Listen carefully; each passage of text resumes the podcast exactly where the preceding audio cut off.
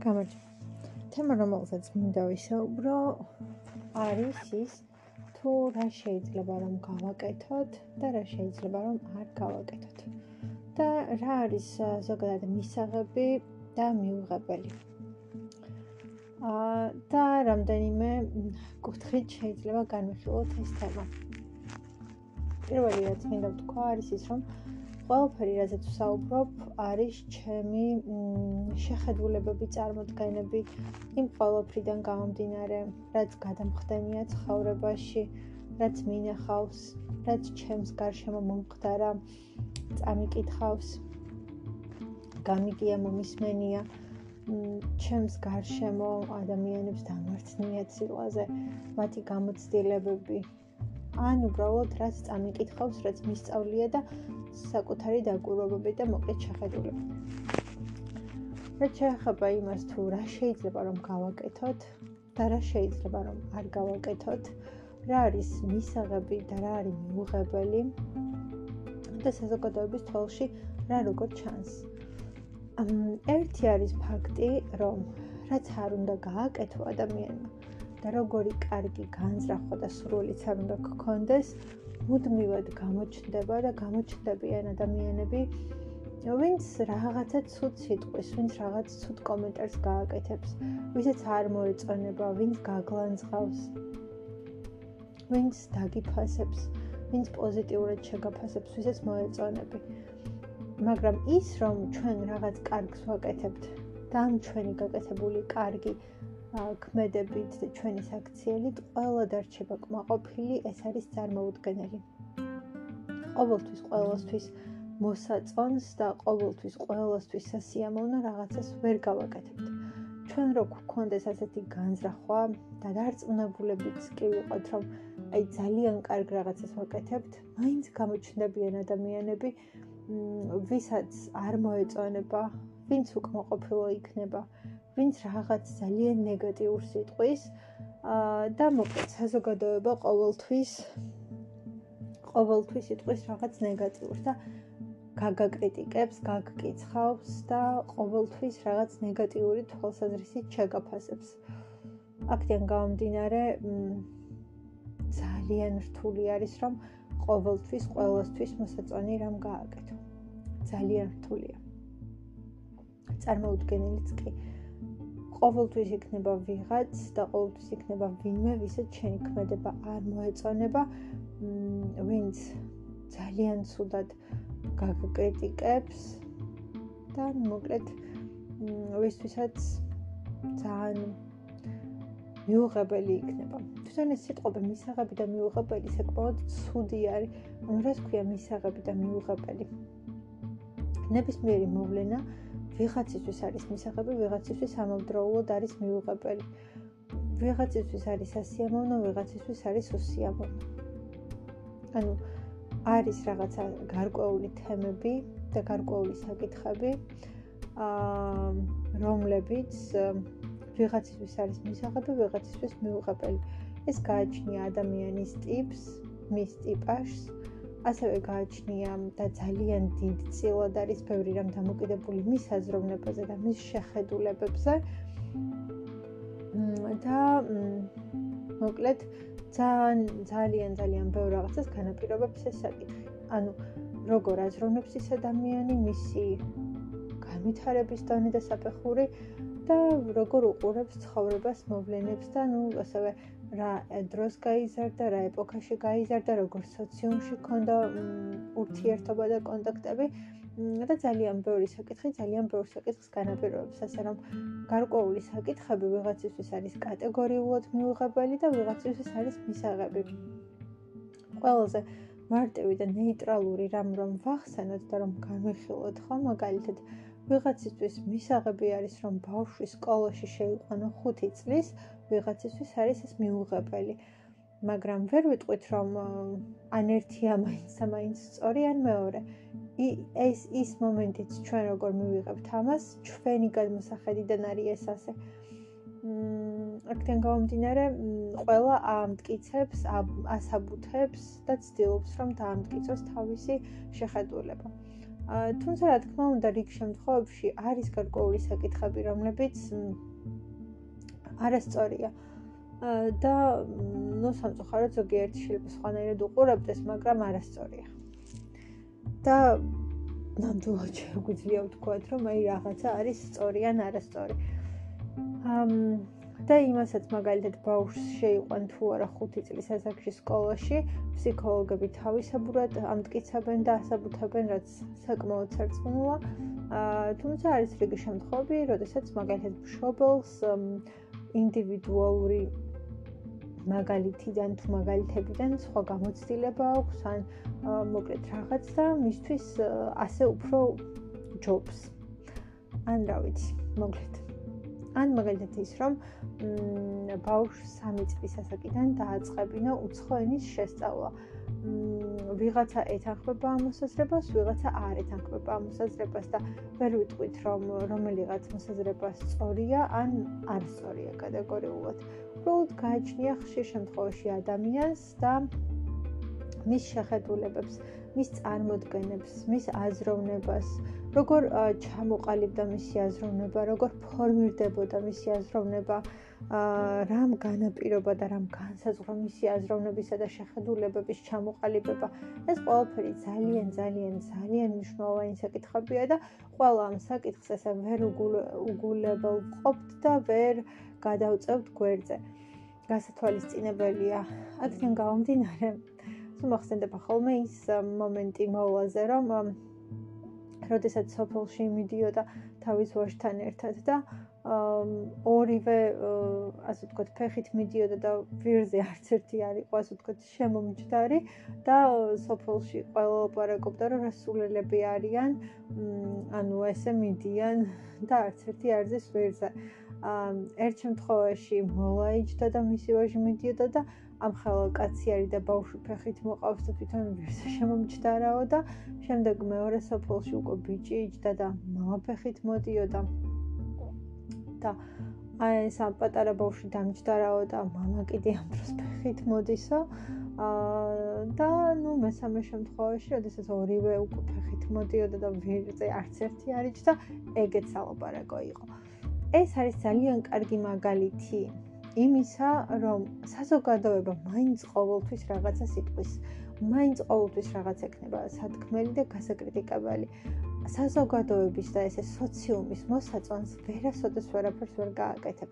ყოველთვის გამოჩნდება 1, 2 ან 100 ადამიანი, ვინც რაღაც ნეგატიურს იტყვის, ვინც ძალიან ცუდად შეგაფასებს, ვინც ძალიან ცუდად ილაპარაკებს შენზე, ვისაც არ მოეწონები, ვინც ძალიან ცუდად გაგკრიტიკებს. მმ ვინც შენი მოწინააღმდეგე იქნება. ამიტომ აი ყველას მოსაწონს და საზოგადოების და აბსოლუტურად ყველასა და ყოველთვის მოსაწონს ვერასოდეს ვერაფერს ვერ გააკეთებ. ძალიანაც რომ ეცადო უბრალოდ შეუძლებელი არის. ანუ თვითონ საზოგადოების და სოციუმის კანონია თითქოს ასეთი რა, არ ვიცი, ესე მუშაობს ყოველ შემთხვევაში. და თვითონ ის ტერმინები მე ზოგადად არ მომწონს. მისაღები მიუღებელი, რას ქვია მისაღები და მიუღებელი? ანუ რა ვიცი, ვიღაცისთვის რაღაც არის მისაღები, აბსოლუტურად ვიღაცისთვის არის მიუღებელი რაღაცა. უბრალოდ ასე არის და მორჩა. ანუ მათ პიროვნებას, მათ განვითარებას სად გაიზარდნენ, სად ჩამოყალიბდნენ, როგორ ფორმირდებოდნენ ეს ადამიანები, როგორ ფორმირდებოდა მათი აზროვნება, რა განვითარების გზები გაიარეს, რა სოციუმთან ჰქონდათ კონტაქტი, როგორ ადამიანებს ეკონტაქტებოდნენ, როგორი ზეგავლენა მოახდინეს მათ მასზე, რამდენად მიიღო განათლება, რამდენად ცდილობდა რომ განვითარებულიყო ხშირად კიდევ არის განათლებისა და რაღაც საკითხების არევა ერთმანეთში. ადამიანი შეიძლება ძალიან ძალიან ძალიან განათლებული იყოს და არ ვიცი, ძალიან ბევრი წიგნი ქონდეს წაკითხული ასევე და დიპლომებიც ეწყოს, მაგრამ აი ეს შინაგანი კულტურა და ზრდილობა მაინც არ გააჩნდეს. ანუ აი ეს თემები მაინც ძალიან განსხვავდება ხანდახან ახლა ძალიან ნაკითხ ადამიანს და ძალიან ასე ვთქვათ განათლებულს თუ უნივერსიტეტებს და დიპლომებს ავიღებთ ამ თვალსაზრისით, მაგრამ ელემენტარული რაღაცები ეშლებათ ხოლმე. ყველას არ არა თქმა უნდა არ გულისხმობ, მაგრამ ხშირად ხდება, რომ აი თავი რო ძალიან ისე ისე მოაქვთ, არ ვიცი რაღაც საოცრად და თავი რაღაც გონიათ და ამ დროს აი ისეთ უკულტურო რაღაცას გააკეთებენ მომენტებში და ისეთ რაღაცებში ჩაიჭრებიან ხოლმე ასეთი ადამიანები, რომ პირი დაგჭება ღია. და ვიღაცას შეიძლება სულ ჯამში მთელი ცხოვრება 10 წიგნი კონდეს აკეთებული, მაგრამ იმდენად ზრდილი იყოს, იმდენად კულტურული იყოს და რაღაც რომ ანუ რაღაც აი ელემენტარული რაღაცები ესმოდეს რა ასე ვთქვათ. ეს უფრო კიდე არის ალბათ რა ვიცი შინაგანათაც უნდა მოუყვებოდეს და ნუ რაღაცები ალბათ უნდა ისწავლო ცხოვრების მანძილზე და დააკვირდე და ნუ ალბათ ოჯახიდანაც გაზრდის მომენტშიც თუმცა როცა ეს ორი თანხმედრაში არის და ძალიან ნაკითხიც ხარ, განათლებულიც ხარ, ინტელექტუალიც ხარ და ძალიან ზრდილობიანი და კულტურულიც ხარ და დახვეწილი ადამიანი ხარ, ძალიან კარგი არის. სასიამოვნო არის თორე ძალიან კარგი რა. ყოველთვის არის განსხვავებული მოცემულობები ვიღაცისთვის რა არის კარგი და მისაღები ვიღაცისთვის რა არის კარგი და მისაღები. ამ ხო. მოკლედ. აა იმის თქმა მინდა რომ ანუ ყოველთვის ყოველთვის სასიამოვნო რაღაცას ვერ ვიზამთ და ვერ გავაკეთებთ. გააჩნია ვინ როგორ უყურებს საკითხს და გარკვეულ საკითხებს. გააჩნია ადამიანი როგორ აზროვნებს და უნდა თუ არა რომ იაზროვნოს. რაღაცებს დაუფიქრდეს, რაღაცებს დაუკვირდეს, ჩაუკვირდეს, დასვას კითხვები და უბრალოდ მოცემულობებად არ მიიღოს ყველაფერი, რომ ასე რო არის, ასე რატომ არის? არის თუ არა ეს ყველაფერი სწორი? ბევრი რამ დრო მოჭმულია, ბევრი რამ გადახედვას საჭიროებს, ბევრი რამ ანალიზს საჭიროებს ხონებაში და ესეც მნიშვნელოვანია. და ზოგადად რომ ვთქვათ, აი ამ ფრაზებს მართლაც არ ვეთანხმები მისაღები მიუღებელი. აა არ ვიცი. ანუ ადამიანს გააჩნია ალბათ ძალიან ინდივიდუალური მგონია ყველა ეს საკითხი. და მ თუმცა მისაღები და მეუღებელი შეიძლება ტერმინები დიდად არ მომწონდეს, მაგრამ ის ფაქტი, რომ რაღაცა არის სწორი და რაღაცა არის არასწორი, ესეც ძალიან ძალიან ისეთი ფაქტი არის. ანუ არის ცხოვრებაში რაღაცები, რასაც უბრალოდ ვერ გაამართლებ, როგორც არ უნდა იცოდო, რომ გაამართლო. და როგორც არ უნდა იცოდო, რომ მოუძებნო რაღაც ახსნა და თქვა, რომ აი ჩემი გადმოსახედი ასეთია და არ ვიცი რაღაც მსგავსი, ანუ ვერ გაამართლებ, იმიტომ რომ არასწორია. ანუ არსებობს გარკვეული მომენტები, რომლებიც დამოკიდებული არის აბსოლუტურად აზროვნებაზე, ადამიანის განვითარებაზე, ან ადამიანის განვითარების დონეზე, მის შეხედულებებზე, მის წარმოდგენებზე და მისი აზროვნების ტიპზე და ეპოქაც განაპირობებს ხშირ შემთხვევაში შეხედულებებს და წარმოდგენებს, იმიტომ რომ გარკვეული ეპოქის ადამიანები გარკვეულწილად რაღაცნაირად ფიქრობენ, სხვა ეპოქის ადამიანები უკვე სხვანაირად და ესეც, ну, დროის საკითხი არის და დროზე არის უფრო მეტად დამოკიდებული და განაპირობებს, მაგრამ ის რომ რაღაცები არასწორია და ასეთი საკითხების იარსებებს, რა თქმა უნდა, არის იარსებებს და ყოველთვის იქნება. ის რაც ყოველთვის იქნება არასწორი, ის რაც ყოველთვის იქნება მიუღებელი და ვერანაირი ფორმით, ვერანაირი ძალით და ვერაფრით ვერ იტყვი რომ უიმე ეს ყველაფერი როგორი კარგია. მაგალითად, თუ შენ ვიღაცას რაღაცას პარავ და ართმევ ძალით ან ქურდობ და პარავ. ვერასოდეს ვერ იქნება ეს სწორი და გამართლებული საკითხი. ვერასოდეს ვერ უტყვით, რომ უიმე რა კარგად მოიქცა და ეს რა კარგი რამ გააკეთა. ანუ არის გარკვეული საკითხები და ასეთი კიდევ ბევრი არის, რა თქმა უნდა. დედა რომელიც შულს მაგალითად მიატოვებს, აა კარგ ქცევად და კარგ საქციელად არ მგონია რომ ჩაითვალოს. შეიძლება გქონდეს რაღაცა მიზეზი და მიზეზები და ბევრი რამ იდგეს უკან. ამ ყველაფრის და შეიძლება ესე ხელაღებით და ერთი ხელის მოსმით არ უნდა განსაჯო ის ადამიანი, იმიტომ რომ შენ არ იცი მან რა გაიარა, როგორ გამოიარა, იქამდე როგორ მივიდა, რა მოხდა მის ცხოვრებაში. და ნუ ყველაფერი ერთიანობაში რომ აიღო, შეიძლება გქონდეს ძალიან დიდი მიზეზები და თავ ანუ როგორც ასეთი თვითონ გასამართლებელი საბუთები, მაგრამ როგორც ასეთი თვითონ ეს მოვლენა რომ ჩაითვალოს კარგ მოვლენად და კარგ რაღაცად, ალბათ კარგად ვერასოდეს ვერ ჩაითვლება. მმ, აქცენ კომდინარე, გონია რომ ნუ ის რომ ადამიანი მოკლა, ვერასოდეს ვერ იქნება კარგი კარგი ხომ? ანუ არის რაღაცები, რაც კატეგორიულად სწორია ან არასწორია, ცუდია ან კარგია. ან კეთილი ქცევა არის, ან ვოროტი ქცევა არის, მაგრამ ასევე არის ძალიან ბევრი რამ, რაც დამყარებული და დაფუძნებული არის აბსოლუტურად ადამიანზე და მის შეხედულებებზე არის ძალიან დიდწილად დამოკიდებული ბევრი რამ და მის შეხედულებებზე და მის განვითარებაზე. და ვერც ამას ვერ წამოვალთ ვერსად. აა მოკლედ, იმის თქმა მინდოდა. ყველაზე მთავარი, რაც ამ ჩანაწერის მთავარი სათქმელი მინდა რომ იყოს, არის ის, რომ აი, ყოველთვის ვფიქრობ ხოლმე, ძალიან ბევრს ვფიქრობ ამ საკითხზე და ბევრჯერ მიფიქრია, ბევრჯერ განმიხილავს საკუთარ თავთან, ბევრჯერ გამიკეთებია ამ თემისთვის ანალიზი საკუთარ გონებაში და სულ ვფიქრობ ხოლმე ამ საკითხზე და ყოველთვის მივდივარ ერთ დასკვნამდე. აა რაღაც გარკვეული თემები და რაღაც გარკვეული საკითხები. აა შეიძლება სწორიც იყოს და არასწორიც. რაღაცები ვიღაცისთვის მოსაწონია და მიუღებელია, ვიღაცისთვის მოუწონარი და არა მოსაწონი და მიუღებელია მოკლედ კატეგორიულად. მისაღები და მიუღებელი ყოველთვის იქნება. ეს არის ადამიანზე მართლა ძალიან დამოკიდებული. ვიზე ვლაპარაკობთ, ვიზე ვსაუბრობთ, როგორ ტიპერზე გვაქვს საუბარი, მაგრამ თვითონ აი საკუთარ თავთან ადამიანი რომ დაფიქრდე და კარგად ჩაუკვირდე, კარგად გაუკეთო ყველაფერს ანალიზი და აი მართლა სიღრმისეულად ჩაუყვი ამ საკითხს და ამ თემას აუცილებლად მიხვდები იმას რომ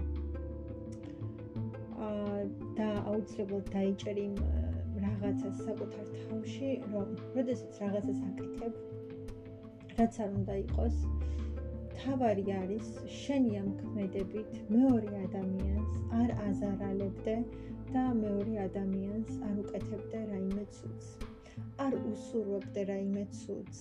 არ მოგქონდეს ზიანი, ანუ ნებისმიერი შენი ქცევა შეიძლება იყოს გამართლებულიც, კარგად ჩათვლილიც, მისაღებიც, ანუ შეიძლება რაღაცები შენ, ანუ შენ ცხოვრებაში თუ შენ ქცევებიდან ბევრისთვის მისაღები იყოს, ბევრისთვის მიუღებელი იყოს, ბევრისთვის ან წარმოუდგენელი იყოს, არ ვიცი, რაღაცნაირი იყოს, ბევრისთვის საამაყო იყოს, მაგრამ აი რაც არ უნდა გააკეთო და როგორც არ უნდა გააკეთო, მთავარია შენ გინდოდა ხომ? და შენ მოგწონდა და შენ სურდა, მაგრამ თუ შენ ნებისმიერი შენი ქცევით, ნებისმიერი შენი ქმედებით მეორე ადამიანისთვის მოგაქვს ზიანი, მოგაქვს ტკივილი და ვიღაცას აზარალებ და აზიანებ, ანუ ვერაფრით ვერ ჩაითვლება კარგ რაიმე, იმიტომ რომ სულ არაფერი სადღაც და ოდესმე მაინც შენ თავად შეგაწუხებს და შენ სადღაც ქვეცნობიერად მაინც და შენ სინდის აუცილებლად ეცოდინება ყოველთვის რომ შენ რაღაცა არასწორი ჩაიდინე. განა იმიტომ რომ ეს ცალსახად არასწორი იყო, უბრალოდ შენ აი იმ ქცევით და იმ ქმედებით ვიღაცას მოუტანეს ზიანი, ზარალი, ვიღაცას გული ატკინე, ვიღაცა დააზარალე, ვიღაცას ძალიან აწყენინე. და ნუ შენი ნებისმიერი ქცევა და ნებისმიერი ასე ვთქვათ სურვილი არ უნდა გადიოდეს ხვის უბედურებაზე და ხვის რაღაცაზე ანუ შენი ბედნიერება და შენი კარგად ყოფნა არ უნდა ააშენო და არ უნდა დააფუძნო ხვის უბედურებაზე, ხვის ტკივილზე და ხვის ცუდად ყოფნაზე. ჩემი აზრით ამოსავალი არის ეს და არა ის რომ ანუ ეს ეს ისედაც გასაგებია ყველასთვის, ყოველთვის ყველაფერს მოსაწონს და სასიამოვნოს ვერ გავაკეთებთ და ვერ გააკეთებს ადამიანი. საზოგადოების პრინციპი თითქოს ასე მუშაობს და ეს საკითხი თითქოს ასე მოქმედებს რა რომ ყოველთვის იქნება რაღაც თემა და რაღაც გარკვეული საკითხები და თემები საზოგადოება რომელზეც ილაპარაკებს, რომელზეც ექნება უამრავი რამ სათქმელი, განსახილველი, არ ვიცი რომ არ მოსწონს რომ მიუღებელია მისთვის, რომ ისეთია, რომ ესეთია, ყოველთვის წვიან შენზე რაღაცას, ყოველთვის გაგაკრიტიკებენ ან შეგაქებენ ან მოეწონებათ, მაგრამ ორივე აზრი იქნება და ორივე შეხედულება. თუმცა, ანუ ის რომ ილუზია გქონდეს, რომ შენ ყოველთვის ყოველთვის მოსაწონს გააკეთებ, ვერ გააკეთებ. ძალიან დიდად აი ძალიან ძალიან კარგი რაღაცას რომ გააკეთო, ძალიან დიდი სიკეთეც რომ გააკეთო ვიღაცა შეიძლება არ მოეწონოს და იმაშიც რაღაც დაინახოს და რაღაც გამოგიჭრიკოს და აი იმაზე ილაპარაკოს მაგრამ ამას ვერ შეუცვლით თუმცა ჩვენ თუ ვიცით რომ ჩვენი ნებისმიერი ქმედებით ქცევით სურვილით ფიქრით არავისთვის არ მოგვიტანია ზიანი და ყველაფერი რაც გავაკეთეთ მხოლოდ ჩვენ გვეხებოდა მაშინ ალბათ სწორი ვართ და მართალი ვართ მაგრამ როცა ჩვენ ჩვენი ნებისმიერი ქცევით და ქმედებით მეორე ადამიანისთვის მოგვაქვს ზიანი ზარალი და მეორე ადამიანს ძალიან გულს ვტკენთ და მის პიროვნებას ვცვლით ამ ჩვენი ქცევით და ქმედებით. იქ ალბათ ეს უნდა გახდეს ალბათ განსაზღვრელი და განმაპირობებელი რომ ჩვენ ჩვენი ქცევით ვიღაცას ხომ არ ვეხებით და ვიღაცას ხომ არ ვტკენთ გულს ან ვიღაცას ხომ არ ვუზიანებთ რაღაცას და ვუშავებთ რაღაცას. თუ ჩვენი ბედნიერება მხოლოდ ჩვენ თავზე არის და ჩვენ გეკუთვნის და არავის არაფერს არც ვუშავებთ, არც ვეხებით, თუნდაც და არც არაფერს საზიანოს არავისთვის არ ვაკეთებთ. რა თქმა უნდა, შეგვიძლია რომ ეს ბედნიერება და ეს სიხარული შევირგოთ, შევიტკბოთ, კარგად ვიყოთ, გვიხაროდეს, ბედნიერები ვიყოთ, მოგწონდეს, მაგრამ უპირველესი მგონია ეს, რომ არავის არ უნდა აზიანებდე და აზარალებდე შენ შენი ნებისმიერი ქცევით და შენ შენი ნებისმიერი სურვილით. და არ ვიცი. ეს არის ჩემთვის უპირველესი და ამოსავალი.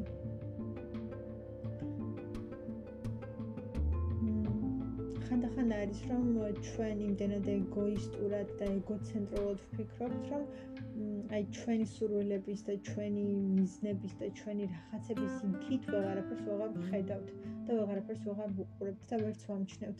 და ამ დროს იმას რასაც ვაკეთებთ, შეიძლება მეორე ადამიანს გულს ვტკენდეთ, ან მას რაღაცა ფორმით და სახით ვაზიანებთ და ვაზარალებთ და თუ არავის არ ვეხებით ცუდად და არავისთვის არაფერი არ მოგვაქვს ისეთი, თავისთავად ყველაფერი შეიძლება რომ იყოს მშვიდად ყველაფერი შეიძლება რომ იყოს კარგად და ყველაფერი იყოს დაალგებულად, იმიტომ რომ ჩვენ ამით არავის არაფერს არ ვუშავებთ და არავის არაფერს არ ვუზიანებთ.